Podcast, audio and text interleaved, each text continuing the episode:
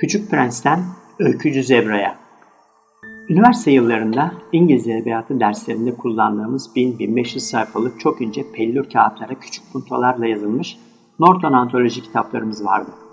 Bu antolojilerin birinde The Zebra Storyteller, Zebra Öykücüsü başlıklı Amerikalı öykücü Spencer Holtz'a ait öykü anlatısının yazarının ne kadar önemli bir işlevi olduğunu anlatan kısa bir öykü vardı. O zamanlar dikkatimi çekmeyen bu öyküyü öğretmenlik yaptığım yıllarda kitaplığımı yeniden kim bilir kaçıncı kez düzenlediğim bir anda yeniden okudum. Onlarca kez kitaplığımı düzenlemeye kalkar ama hemen her defasında geçmişte okuduğum bir kitaba ya da onun bende oluşturduğu anılara dalar ve kitaplık düzenleme işinin sonunu getiremezdim. O zaman da aynısı oldu. Raflardan indirdiğim onlarca kitap bir yanda dururken tesadüfen açtığım bir sayfadaki bu öyküyü okumaya başlamıştım. Değişik bir metin vardı karşımda. Öykü, Afrika savanlarında yaşayan yabani bir siyam kedisinin yine o çevrede yaşayan zebraların kendi aralarında konuştukları dilleri olan zebraca öğrenmiş olması ve bu bilgi ve yeteneğini zekice kullanarak civardaki zebraları teker teker şaşkına çevirdikten sonra avlayıp kendine ziyafetler çekmesiyle başlıyor ve zebralara öyküler anlatan bir zebranın hayal gücünü kullanarak böyle bir olayı çok daha önceden zihninde kurgulaması sayesinde karşılaştığı bu siyam kedisinin asıl amacının farkına varıp onu öldürmesiyle sonlanıyor. Üniversite yıllarında hocalarımızın bizim okumamızı istedikleri eserler arasında olmadığından dikkatimi çekmeyen bu öykü bu anda bir yabancı dil öğretmeni olarak öğrencilerime yabancı dil öğrenmenin önemini ve gerekliliğini anlatmada kullanılacak bir yol olarak göründü bana. Onlarla paylaşıp öyküyü yorumlamalarını bekledim. Çoğu benim onlardan beklediğim gibi öykünün yabancı dil öğrenmenin yararlarını anlattığını söylediler. Ama bazıları daha farklı okuma yapmıştı. Siyam kedisinin sahtekarlığından ve öykü anlatıcısı zebranın bilgeliğinden ve öngörüsünden bahsettiler. Bu sefer daha farklı bir gözle okudum aynı metni. Lise edebiyat derslerimizde örneklerine rastladığımız türden sonunda ders verme amacı güden, güldüren, düşündüren ve genellikle manzum, kahramanları da genellikle hayvanlar, bitkiler veya cansız varlıklardan oluşan modern bir fabul örneğiydi bu öykü. Bu türün bir özelliği olarak insanlar gibi düşünen, konuşan ve tıpkı onlar gibi davranan teşhis ve intak sanatı bu varlıklar okuyanlara çeşitli konularda dersler verirlerdi. Zebra öykücüsü adlı kısa öyküde de hayvanlar üzerinden bir örnek verilerek sağlam bir hayal gücünün kişiyi hayatta karşılaşabileceği sorunlar karşısında nasıl güçlü kılacağı anlatılıyor. Fikirperest derginin Eylül sayısının konusu olan Küçük Prens'in de benzeri bir teması var. Hayal gücüne nasıl sahip olunacağı ve devam ettirilebileceği. Çoğu zaman kurduğumuz hayallerin gerçekleşmeyeceğini düşünerek biz son veriyoruz hayallerimizi. Küçükken hayalleri oluyor insanın. Büyüyünce çok adımız hayal kurmaya devam edebiliyoruz Küçük Prens'te anlatıldığı gibi. Hayal gücü ve yaratıcılık yukarıda bahsettiğim zebra öyküsü öyküsünde olduğu gibi hem gerçekleri görmeyi sağlar hem de başkalarının dikkatini çekmeyi. Kişinin yaratmak istediği dünya olan hayal gücünün ve yaratıcılığın geliştirilmesi farklı alanlarda insanı başarıya götüren bir süreçtir. Bu kısa öykünün yazarı Spencer Bowles, çağdaş Amerikan edebiyatının en önemli isimlerinden. 1926'da doğmuş, 2001'de ölmüş. Çalışmalar birçok edebi dergiden yayınlanmış. Dilimize de çevrilen iki öykü kitabı var. Kedilerin Dili ve 1977 yılında ödül kazandığı Spencer Holmes hikayeleri. Öykülerini radyoda ve çeşitli ortamlarda okumasıyla ün kazanmış. Kaligrafik motifleri temel alan sulu boy resimlerinden oluşan sergileri de var.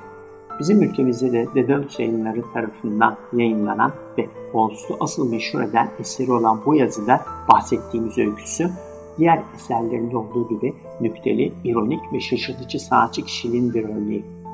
Eroin bağımlısı kurbağa prens, kedilerin dilini öğrenen profesör, Noel Baba yerine dünya barışını sağlayan Noel anne, cennette karşılaşıp birbirlerine gülümseyen Mona Lisa ve Buda ve dev bir diyapazona dönüşen köprü gibi insanı okurken meraklandıran oldukça ilginç karakterleri de var öykülerinde. Bu özellikleri onun çağımızın en yetenekli masalcısı olarak anılmasına yol açmış. Bu öyküdeki karakterlerden birisi olan Siyam kedisi, aslan gibi davranan ve zebraların dili olan zebraca konuşabilen vahşi bir kedidir. Çok akıllı olmasına rağmen sahtekardır. Önce bir Siyam kedisinin kendi dillerini konuşabileceğine inanmayan zebralarla zebraca konuşur. Onlar konuşması da şaşırttıktan sonra bir aslan gibi avlayıp yer ve yenilmeyen kalan kısımlarından kendine süs eşyaları yapar. Kendi arkadaşlarına da zebra avlama yeteneğinin onu aslan yaptığını söyleyerek övünür. Zebra topluluğu tek bir kolektif karakter olarak resmedilmiş öyküde. Öykü anlatısı hariç hepsi bir sürü olarak aynı şekilde hareket ediyorlar. Cahil ve batıl inançlılar ama bunun farkında değiller. Burunları çok iyi koku aldığı halde havada aslan kokusu olmadığı ve bu yüzden de çevreden aslan olmadığı zaman bile gerçeği görmeyip bir aslan hayaletinin varlığına inanıyor, kolayca kandırılıyorlar. Bir aslanın hayaleti onları dehşete düşürüyor ve avlıyor. Hikayemizin asıl kahramanı olan Öykülü Zebra'nın ise hayal gücü var. Sıra dışı ve beklenmedik şeyleri avlayabiliyor ve kurgulayabiliyor. Başlangıçta bunu diğer zebraları eğlendirecek, gülünç ve ilginç bir şeyler bulmak için yapıyor. Öykü, Siyam kedisi bu öykü anlatısıyla karşılaştığında climax yani zirve noktasına ulaşıyor.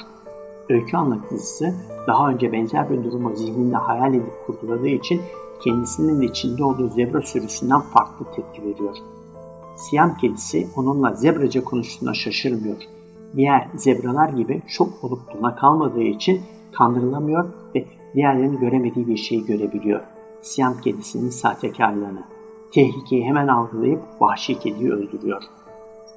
Tüm edebi eserler hayali kahramanlar ve olaylardan oluşan roman, öykü, masal, film gibi eserleri içeren fiction, kurmaca ve gerçek kişi ve olaylardan oluşan gezi yazıları, biyografi ve otobiyografi gibi eserler içeren non-fiction, kurmacı olmayan olarak ikiye ayrılmaktadır. Kurmacı eserlerin temelinde anlatılan olaylar henüz yaşanmasa bile gerçekleşme ihtimalleri olan durumlardır. Bu eserlerdeki anlatıcılar gerçekleri farklı yorumlayabilen bilgi sanatçılardır.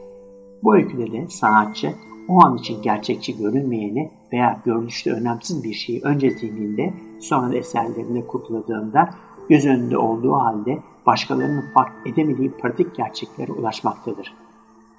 Böyle yaparak öyküdeki zebra öyküsü zebra sürüsünün birer birer yok olma tehlikesinin önüne geçiyor. Yahya Kemal'in insan ancak hayal ettiği müddetçe yaşar sözüne hak vermemek mümkün değil. Herhangi bir fablo gibi bu öykünün sonunda da bir ders var. Son cümleye yazdığı gibi bir öykü anlatısının işlevi veya amacı başkalarının aklına gelmeyen şeyleri hayal etmek hayal edebilip hayal edebildiklerinin gerçekleş, gerçekleşebileceğine inanmaktır. Bir sanatçı görünmeyeni ya da apacık görünse bile çeşitli nedenlerle diğer insanların göremediği şeyleri hayal ettiğinde ve eserlerini yansıttığında gerçeğe ulaşabilir ve insanlara gösterebilir. Bu öykü avının zebra dilini kullanarak kendi kötücül amaçlarını ve gerçek yüzlerini gizleyen düşmanlara Siyam kedisi karşı hayal gücünü kullanabilenlerin öykücü zebra ve dolayısıyla tüm insanların sadece olayların görünen yüzlerine değil farklı yönlerine bakarak her zaman tetikte olmaları ve kendilerine sunulanları akıl süzgecinden geçirmeden kabullenmemeleri gerektiğini anlatıyor. Doğruluğu şüpheli haber ve sosyal medya kanallarının takipçilerini ve tüm toplumu kendi amaçları doğrultusuna yönlendirmeye çalıştıkları dünyamızda Küçük Prens ve Öykücü Zebra gibi sağduyulu anlatıcılara ve yazarlara ihtiyacımızın olduğu da bir gerçek. Ufkumuzun ve hayal gücümüzün her daim açık olması için bu tür eserler okumanın çok önemli olduğunu bilincinde olduğumuz nice güzel okumalar diliyorum hepinize.